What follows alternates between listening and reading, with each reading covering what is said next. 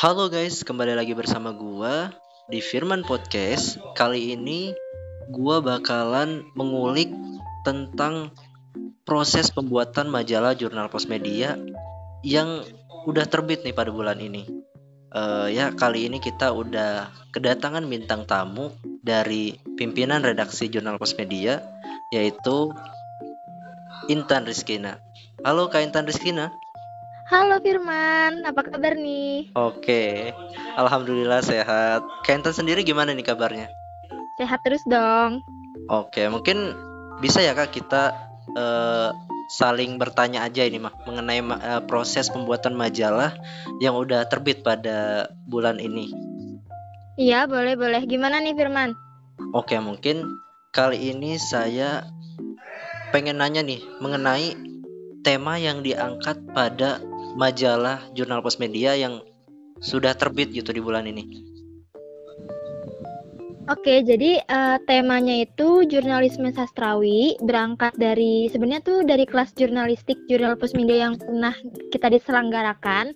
Nah, pas uh, diselenggarakan itu kan temanya jurnalisme sastrawi. Aku ngerasa tuh itu sangat menarik dan banyak banget peminatnya. Pun aku melihat di Indonesia belum terlalu banyak orang yang tahu soal jurnalisme sastrawi. Orang tahunya jurnalisme adalah jurnalisme dan sastrawi adalah sastrawi. Jadi orang ngira itu adalah dua hal yang berbeda. Padahal ada satu studi yang emang menyatukan hal tersebut gitu. Jadi jurnalisme sastrawi.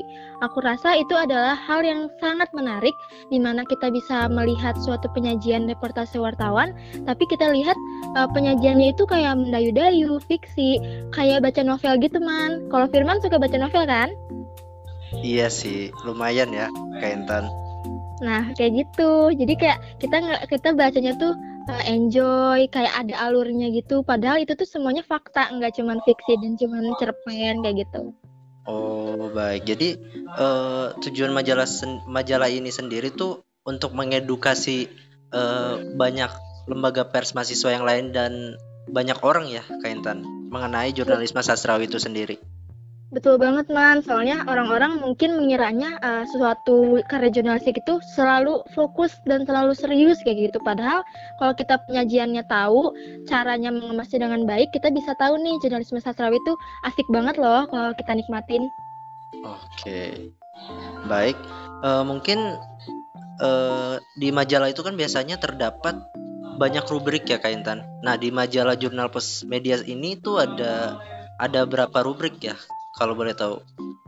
Nah, kalau di tahun ini kita nyediain 26 rubrik. Nggak harus selalu melulu 26. Jadi per tahunnya itu boleh diubah, boleh ditambah, boleh dikurangin tergantung kebijakan redaksionalnya. Nah, kalau tahun ini kita memutuskan untuk 26 rubrik. Oke cukup banyak ya Kak Intan.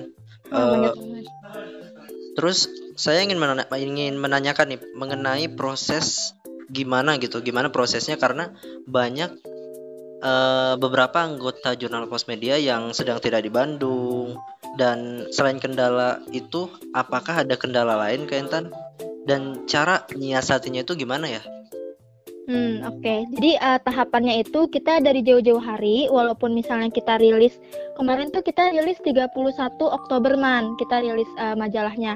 Tapi kita pembuatannya itu nggak cuman sebulan dua bulan, tapi dari sekitaran Juli akhir. Nah, dari Juli ke uh, Oktober kan lama banget nih. Jadi itu adalah uh, suatu proses yang bisa dibilang pelan-pelan tapi pasti gitu.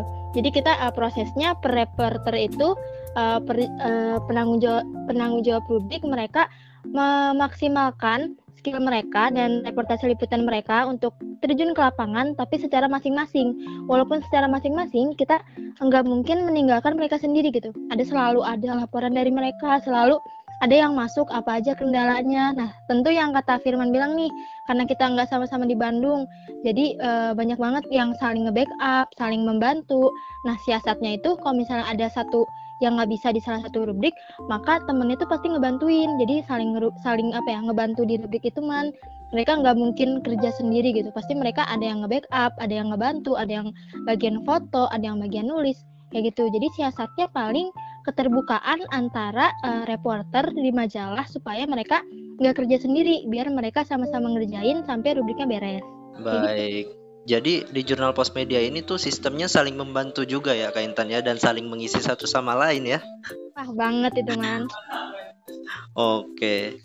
Uh, kalau untuk garapan majalah ini sendiri, apakah ada targetannya dan kalau ada targetannya itu, apakah sesuai dengan target yang udah ditentukan sejak awal, Kak?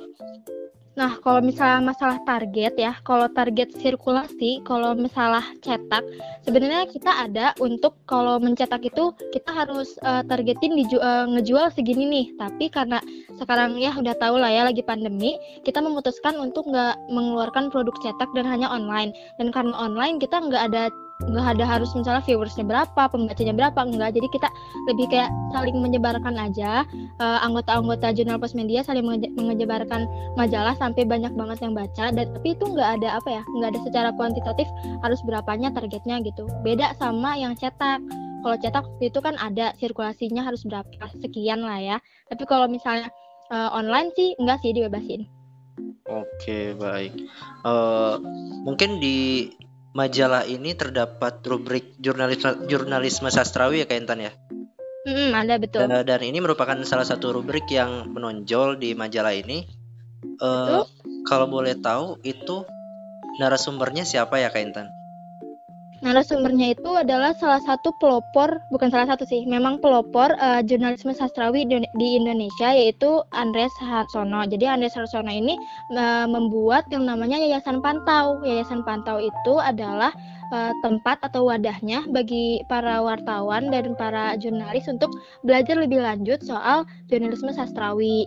Jadi uh, dia tuh uh, apa ya orang yang sangat penting gitu. Dan aku juga rada kaget kalau uh, Andreas Sastrono ini mau diajakin untuk wawancara. Nah itu sangat apa ya pengalaman yang mengharukan karena beliau malu mau dan sangat humble gitu kepada para uh, anggota jurnal pos media.